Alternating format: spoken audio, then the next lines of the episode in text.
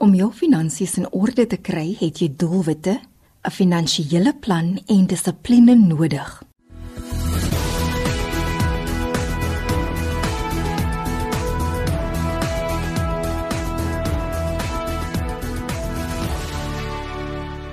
Goeiemiddag en baie welkom by Rand en Sent RSG 100 tot 104 FM met my Olivia Sambul. Vandag jy 'n skuldberader raad en later deel 'n lewensafrigter wenke oor wat jy kan doen as jy vasgevang is in 'n onaangename werk, maar jy kan nie bekostig om jou werk te los nie. Dis baie maklik om jou skuld te ignoreer as jy dit nie kan betaal nie en te hoop dat dit wonderbaarlik sal verdwyn. Carla Oberholzer is 'n skuldberader van DebtSafe in Pretoria. Sy raai aan dat jy jou skuldstelsel matig takel sodat dit jou nie oorweldig nie. Ons ken die volstrysmetode. Ek dink ons almal is skuldig daaraan. Mens vergeet regtig hoe groot rol finansies in jou huisgesin en jou persoonlike lewe kan speel en dit kan chaos veroorsaak. Ek bedoel dit kan tot verhoudings laat skade kry as ek dit so kan noem. Selfs wanneer jy voel nee, maar ek gaan nou net passief wees, ek wil net my kop in die grond druk soos 'n volstrys, is juis wanneer jy die teenoorgestelde doen. Maar dit gaan nie 'n oplossing bied nie. Deur voortdurend te effektiewe plan te hê of te implementeer of net jou gedagtes te struktureer, kan jy jou finansiële situasie definitief proaktief bestuur. En jy kan beheer oor dit begin neem stelselmatig. Ek dink wanneer dit by ons kom dan ons wil 'n quick fix hê. En dit is baie keer wanneer ons passief raak. Want dinge gaan nou nie soos wat ons dit nou wil hê nie en dit is nou glad nie waarvoor ons gevra het nie. Hoekom hoekom kry ons nou al hierdie goeders wat ons kant toe kom? Dit is maar hoe jy reageer en hoe jy proaktief gaan optree om in daardie warbel van emosies en daai miskien ewen dan nou die passiewe gedrag om van dit ontslae te raak. Ek dit kan net jou grootste aanwins wees om jy juist te sê jong, ek het nie nou al die oplossings nie, maar ek gaan dit tree vir tree neem en geleidelik hierdie hele ding uitsorteer. Dit is oorweldigend vir my, so dit is hoekom ek dalk terugtrek en in my dop kruip en probeer wegkruip, maar ek gaan dit tree vir tree gee dat ek nie oorweldig voel en begin terugtrek nie, maar dat ek juis 'n stap vorentoe gee en doen en werk met wat ek kan en wat tot my beskikking is en wat ek tans beskikbaar het. Mense is ook geneig om bo hulle vermoëns te lewe om ander te beïndruk al kan hulle dit nie bekostig nie en hulle vind dit dan moeilik om af te skaal of om veranderinge te maak wat die finansiële las sal verlig ons bekommer regtig te veel oor wat mense van ons dink. En wanneer mense 'n negatiewe idee oor ons het, dan is dit vir ons verskriklik hard en dit is vir ons verskriklik erg. En ek dink dit gaan nou baie hard klink, maar ek dink ons moet ophou daarmee. Ek ek dink dit is belangrik om te weet jy moet ook sekere grense hê. Jy moet sekere dinge tot op 'n punt toelaat, dan is dit nou genoeg. As jy nou na jou bure kyk en daai keeping up with the Joneses, ons moet ons eie finansies kategoriseer en bestuur soos wat dit by ons persoonlike behoeftes pas en by jou persoonlike behoeftes. En ek dink sodra mense kom idees in jou kop plant en sê hierdie is belangrik, jy moet besluit waarmee gaan jy en waarmee gaan jy nie. Ek dink dit is vir jou as verbruiker ontsaglik belangrik om te besluit hierdie is die roete wat ek gaan volg. Sodra ons besluit het oor hierdie is die doelwitte wat ons gaan volg en hierdie is die roete ek wil met hierdie persoon gaan praat of dit is wat ek in my huisgesin gaan doen om om stelselmatig en geleidelik ons skuld byvoorbeeld te vereffen of af te gaan betaal of met idees opkom of ons gaan elke week 'n brainstorm aand hê as ek dit so kan stel doen wat werk vir jou en raak stil met die opinies hier rondom jou sodra jy dit gaan implementeer, dink ek gaan dit 'n wêreldse verskil vir jou maak en ook jou geliefdes. Jy los daardie legacy vir jou, vir jou familie en vir jou vriende want jy deel ook vir hulle die insig en eendag gaan hulle ook groot mense wees en ouer wees en dan het hulle soveel by jou geleer en dan gaan hulle meer weet hoe om 'n situasie te hanteer, veral in moeilike tye en veral wanneer daar duisende opinies is en wat jou kop kan die mekaar kom maak of jou situasie heeltemal nog verder ver te kan gooi, maar wanneer jy kan stil raak, drie tree terugstap en sê, weet jy, ek hoor wat jy sê, maar hierdie is ongelukkig nie wat nou vir my gaan werk of vir ons persoonlike situasie nie. Doelwitte, beplanning en dissipline vorm die hoekstene van jou finansiële herstel. Eerstens, jy weet, jy is die kaptein van jou eie finansiële skip. Ja, jy is nou hierdie boot op hierdie op hierdie see en die storms het nou gekom om jou aan te val en jy moet daarmee te werk gaan maar ek dink sodra jy het sekere finansiële beginsels daai dissiplines um, wat jy ingekorporeer het en wat jy al so ingeoefen het daardie gedragspatrone selfs van die kleinste gedragspatrone wat wanneer dit by finansiële gedrag kom of finansiële sake kom tot die groot goederes wat jy moet aanpak. Byvoorbeeld wanneer jy 'n huis moet koop of wanneer jy die groot um, besluite moet maak So ek dink daardie drie is definitief jou drie finansiële musketiers wat jy wat jy saam met jou moet dra. Die een kan nie sonder die ander gaan nie. Ek dink dit is baie belangrik om um, die proaktiwiteit wat daarin mee gepaard gaan, die eerste stap neem en dat jy kan weet maar dit gaan na 'n volgende prentjie toe en na 'n volgende stap toe en na 'n volgende prentjie en so gaan dit aan. En ek dink ehm um, sodra jy in daardie ritme kom van jy weet om proaktief te wees om daardie dissipline toe te pas om om jou gedrag alles wat saamwerk dit maak dit net soveel makliker op die ou end en jy doen dit naderhand asof dit tweede natuur is. Dis nie 'n maklike pad om te loop nie, maar selfs met die kleinste trekkie wat jy in die regte rigting gee, sal jy uiteindelik jou finansiële doelwitte bereik. Baie van ons het onlangs baie duur lesse geleer. Party van ons is nog steeds dalk soos die Engelsman sê in denial maar ek dink jy weet jy moet begin proaktief wees en begin besef maar daar's sekere beginsels wat jy moet implementeer, daar's sekere goed wat saamwerk en as jy al hierdie ritmes heeltyd gereeld en konstant doen en geleidelik stap vir stap en tree vir tree, dan kan dit net 'n wen wees. Ek dink wanneer goed uitermate verkeerd gaan is omdat ons ons hoop vir hierdie hierdie wonderlike ding, maar ons het glad nie beplanning toegepas om hierdie wonderlike ding te bereik nie om sê net maar skuldvry te wees. Dis nou 'n voorbeeld. En ek dink dit is belangrik om tree vir tree al hierdie beginsels saam te implementeer, te oefen, konstant en gereeld te oefen. Ek dink in die begin is dit dalk bietjie moeilik, maar sodra jy uithou en aanhou, dit kan net 'n wen vir jou wees. En ek dink naderhand het jy soveel kennis oor jou eie finansiële situasie. Iemand kan dalk 'n negatiewe of 'n verkeerde woord vir jou gee en dan sê jy net so: "Nee man, moenie worry nie. Ek weet waantoe ek op pad is. Ek ken my plan." As jou finansies wel in orde is en jy geen slapelose nagte oor skuld het nie, hoe kan jy seker maak dat jy in beheer bly van jou finansies? Olivia, dit is 'n wonderlike posisie om in te wees. en ek dink wanneer dit juis gunstige omstandighede is waarin jy jouself beleef, dit is juis juis wanneer jy nog meer moet beplan, nog meer moet doen en nog meer proaktief moet wees. Ek dink veral wanneer dit kom by daardie noodfonds. Iets wat ons nou wel geleer het van die jaar 2020 en die jaar 2021 is daardie noodfonds is ongelooflik belangrik. En ek dink dit kan regtig, dit kan jou 'n hele nie net 1 maand nie, maar 'n hele paar maande red. Wanneer jy jouself juis in gunstige omstandighede bevind, sê jy daardie jou balans van jou begroting is in 'n surplus, dan moet jy juis kyk waantoe kan jy daardie ekstra geld per maand of per week dan of hoe hoe jou begroting ook dan nou werk. Waantoe wil jy graag daai geld sit? So eerstens wil ek vir mense aanbeveel dis uiters belangrik om 'n noodfonds te hê. En baie van die kinders gesê, jy weet, jy het jou maand se salaris maal 3 nodig om weg te sit.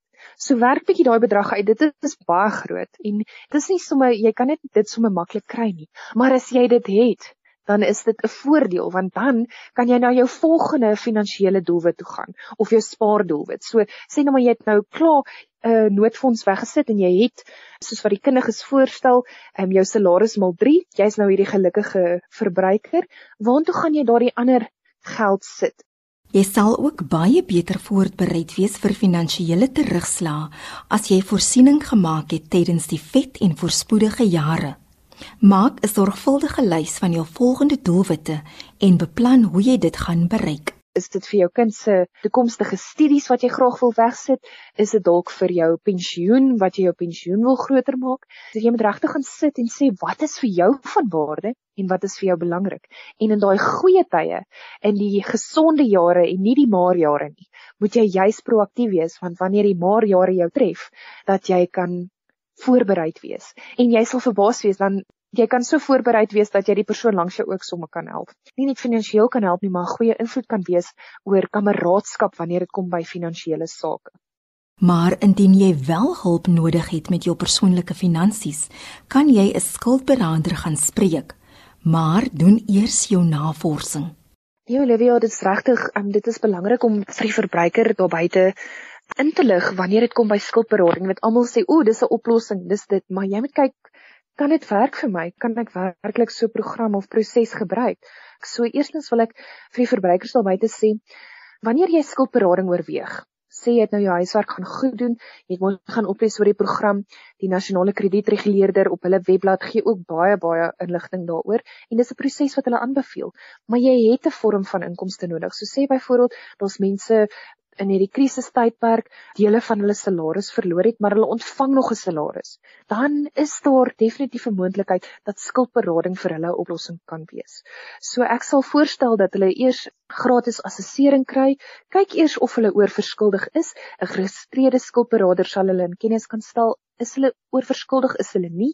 En natuurlik in die proses ehm um, sê daardie persoon nou 'n vorm van inkomste wat hulle nog verdien dan kan dit help vir so 'n tipe proses en hulle bates word ook in die proses beskerm byvoorbeeld soos 'n motor of dan nou jou huis. Vir so iemand sal skuldberading definitief kan werk maar dan vir die persoon daar buite wat nou geen inkomste het nie hulle het nou hulle werk verloor. Ek wil vir daardie verbruiker 'n paar vrae vra eintlik. Het jy al met jou bankier gaan praat Het jy al geonderhandel en gesê, weet jy, ek was nog altyd 'n goeie betaler, maar ek het onlangs my werk verloor. En so gesels Karla Oberholse van DebtSafe. Lizet Volkwen is 'n meester lewensafrigter in Johannesburg. Ek het met haar gesels om te hoor hoe hanteer jy dit as jy gebuk gaan onder erge stres by die werk. Haar eerste advies is dat jy moet besef dat jou reaksie en besluite 'n keuse is. Ons wil so vinnig die victim word Jy verstaan nie waardeur ek gaan nie. Jy verstaan nie die familielid waarmee ek werk nie. Jy verstaan nie my werkskollega nie, jy verstaan nie my bestuurder hoe bang almal vir hom is nie. Weet jy wat? Almal het 'n keuse. So as jy nie bereid is om hierdie vreeslike maar jare deur te gaan met jou bestuurder en die klaagliedere te hanteer nie, maak 'n skuif. En dit klink baie hard, maar wat ek altyd vir mense sê, weet ek kry kliënte wat by my kom en sê, "O, oh, my man, hy is so vol nonsens en hy doen dit en hy doen sis." En gee ek hulle advies, ek gee hulle tegniek om dit te hanteer. En dan kom hulle oor 2 weke na my toe, "Ooh, my man dit, my man dat." Oor 4 weke, "Ooh, my man dit, my man dat." En dan vra ek vir hulle na so 6 weke nou, "Hoeveel van die tegnieke, hoeveel van die goed het jy toegepas?" Nee, dit is baie moeiliker as om dit om dit toe te pas. Ag as jy nie bereid is om te verander nie, moenie kla nie. Kla slegs as jy bereid is om 'n skuif te maak. Jou brein is geprogrammeer om negatief te dink, maar jy kan steeds kies om die negatiewe gedagtes en reaksies te verwerp. As ons 'n oplossingsmentaliteit gaan begin kry, dan gaan die lewe verander. Maar ons wil altyd kyk en sê hoe erg dit is en dit is te verstaan, hè? Onthou ons brein se akmedulla is geprogrammeer 75% negatief, 25% goeie positiewe denke. So ons moet baie harder werk om positief te dink. Maar jy het die keuse. Wat is jou keuse vandag? Om uit jou moedere te beweeg, om uit die negativiteit te beweeg, om 'n beter verhouding by die werk te, te bewerkstellig. Jy het die keuse. Wat kies jy? Maar jy moet realisties wees en besef dat dit tyd sal neem om jou persepsies te verander en ook vir ander mense om met nuwe oë na jou te kyk. Elke proses gebeur oor tyd. Weet jy kan letterlik en ek ek sê dit altyd vir my kliënte wat my kom sien, dan sê ek vir onthou jy het nou net verander en jy het in 'n kwessie van 2 dae of 8 ure jy hard gewerk en jy sien die lewe absoluut met nuwe oë. Die mense om jou doen nog nie. So jy moet stelselmatig elke liewe dag doen wie jy is en ontdek het. Ongeag, want as ons begin lewe ongeag. Ek gaan begin lewe en ek gaan begin gym ongeag almal wat vir my lag. Ek gaan begin harder werk ongeag. Ek gaan begin vriendeliker vir my bestuurder groet ongeag of hy my terug antwoord al dan nie. Ek gaan vir my bestuurder ongeag gaan ek hierdie doen. En as ek daai persepsie verander dat dit oor 'n tyd te gaan kom onthou by dag 1 dan gaan die ou dink wat is hy nou goeie by vandag? By dag 2 dan gaan hy sê ja hallo. By dag 3 gaan hy sê o hallo. By die 4de dag as jy by hom sê groet jy nie vandag nie? En dis die proses wat ons moet verstaan. Dis Lizet Volkwind wat advies gee oor hoe jy jou persepsies kan verander. Een uit elke 4 werkers in Suid-Afrika ly aan depressie. En werkers tussen die ouderdomme van 25 en 44 jaar word die meeste geraak. Depressie kos Suid-Afrika meer as 232 miljard rand. Meer as 40% van alle werksverwante siektes word toegeskryf aan werksverwante stres, depressie en angs. As jy onder druk voel, stuur gerus 'n e-pos na randencent.rsg@gmail.com om jou storie te deel.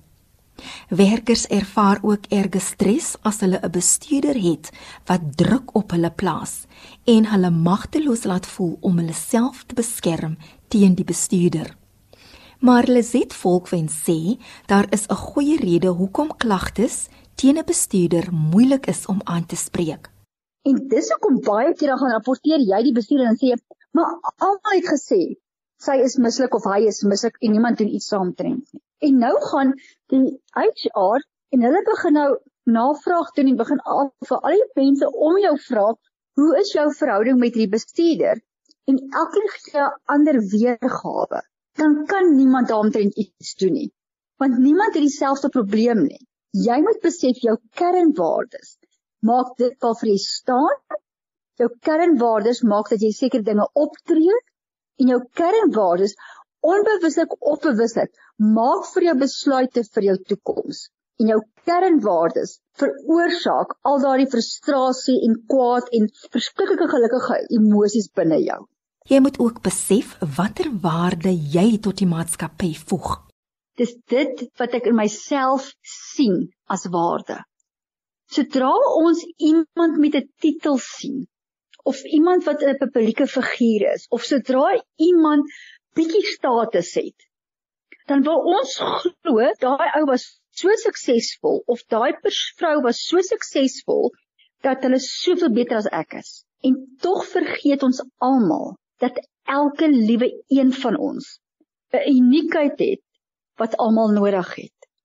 Nou vra jouself vandag hierdie af. Daai moeilike bestuurder, kan hy funksioneer en die departement bestuur en hardloop as julle almal werkgewers in daai span nie daar is nie? Nee, hy kan nie. Die enigste rede hoekom hy in daai posisie is want hy hy beheer net die die prosesse maar is nie daar om jou te beheer nie. En hoe gouer jy besef as jy uit daai dingetjie uit gaan tree, uit hierdie ek sê altyd uit hierdie groepie uit, uit hierdie klaster uit gaan beweeg, dan het daai hele klaster groepie 'n weak link. Iemand is 'n waarde is uit daai groep uit. Daai insette is nie meer daar nie.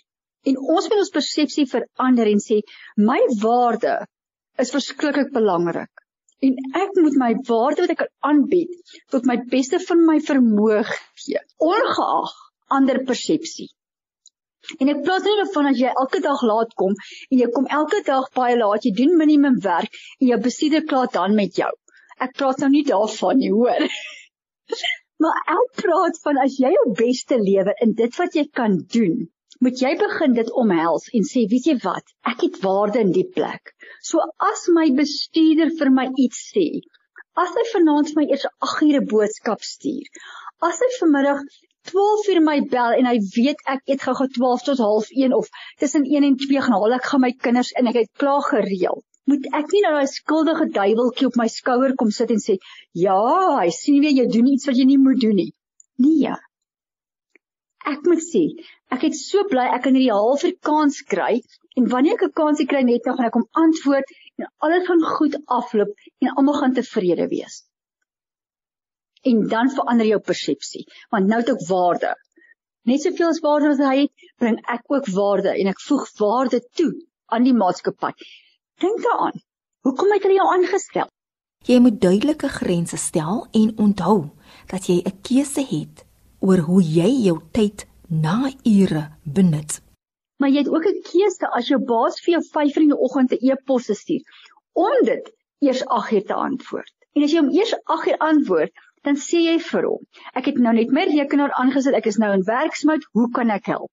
Jy gaan een of twee keer of drie keer terugstoot, maar dan gaan hulle besef sonder dat jy sê ek gaan nie vir jou antwoord voor 5 uur nie want wie dink jy is jy? Glad nie. Jy begin jou boundaries stel deur te reageer op goed in jou tydsones. Onthou ons almal weet daar buitekant as jy in die korporatiewe wêreld is of in enige besigheid, daar's oomblikke waar daar deadlines is. Daar's goed wat abnormaal ingetree het en ons almal moet vanaand tot 12 uur werk. Ek praat nie van dit nie. Ek praat van ons sê, daar bestuurders wat eers in die aande agter vir jou e-pos begin stuur en nou verwag hy jy moet nou antwoord. Wie assume jy moet dit agter antwoord? Jy assume jy moet dit agter antwoord. Jy dink die bestuurder het nou vir jou gestuur want jy moet dit nou op reageer. Dit is nie so nie. En nee, daar is baie bestuurders wat so dink, veral met die aanlyn, dan dink hulle as jy wakker is, kan jy mos maar gou antwoord. Maar daar's geen bestuurder wat gaan dink, "Jesus, jy is 'n slegte werker want jy het nie agter geantwoord nie." Want onthou, jy moet besef, daai bestuurder is dalk heeldag in vergaderings gewees. Hy was dalk heeldag besig met ander projekte en goed en nou kry hy eers kans om by sy e-posse uit te kom. So hy sit dalk rustig voor die TV en antwoord sy e-posse en hy verwag nie met nou antwoord nie, maar dis die eerste tyd wat hy nou het. Maar omrede ek hierdie swak selfbeeld van myself het en 'n swak selfbeeld van my waarde in die maatskappy het, dink ek en voel ek gemanipuleer om onmiddellik te antwoord, want ek is tog so bang iemand gaan dink ek doen nie my werk nie. Maar wat doen jy as jy behoorlik foos is en jy so desperaat is dat jy bereid is om onmiddellik te bedank? Want die situasie is ondraaglik. So, ek praat en sê moenie maar sê hoe jy voel nie. Sê hoe jy voel. Sê ek is ongelukkig, praat met jou bestuurder, kyk na 'n goeie verhouding. Maar as dit nie verander nie, moenie sê o, oh, my bestuurder is so moeilik nie, jy verstaan nie.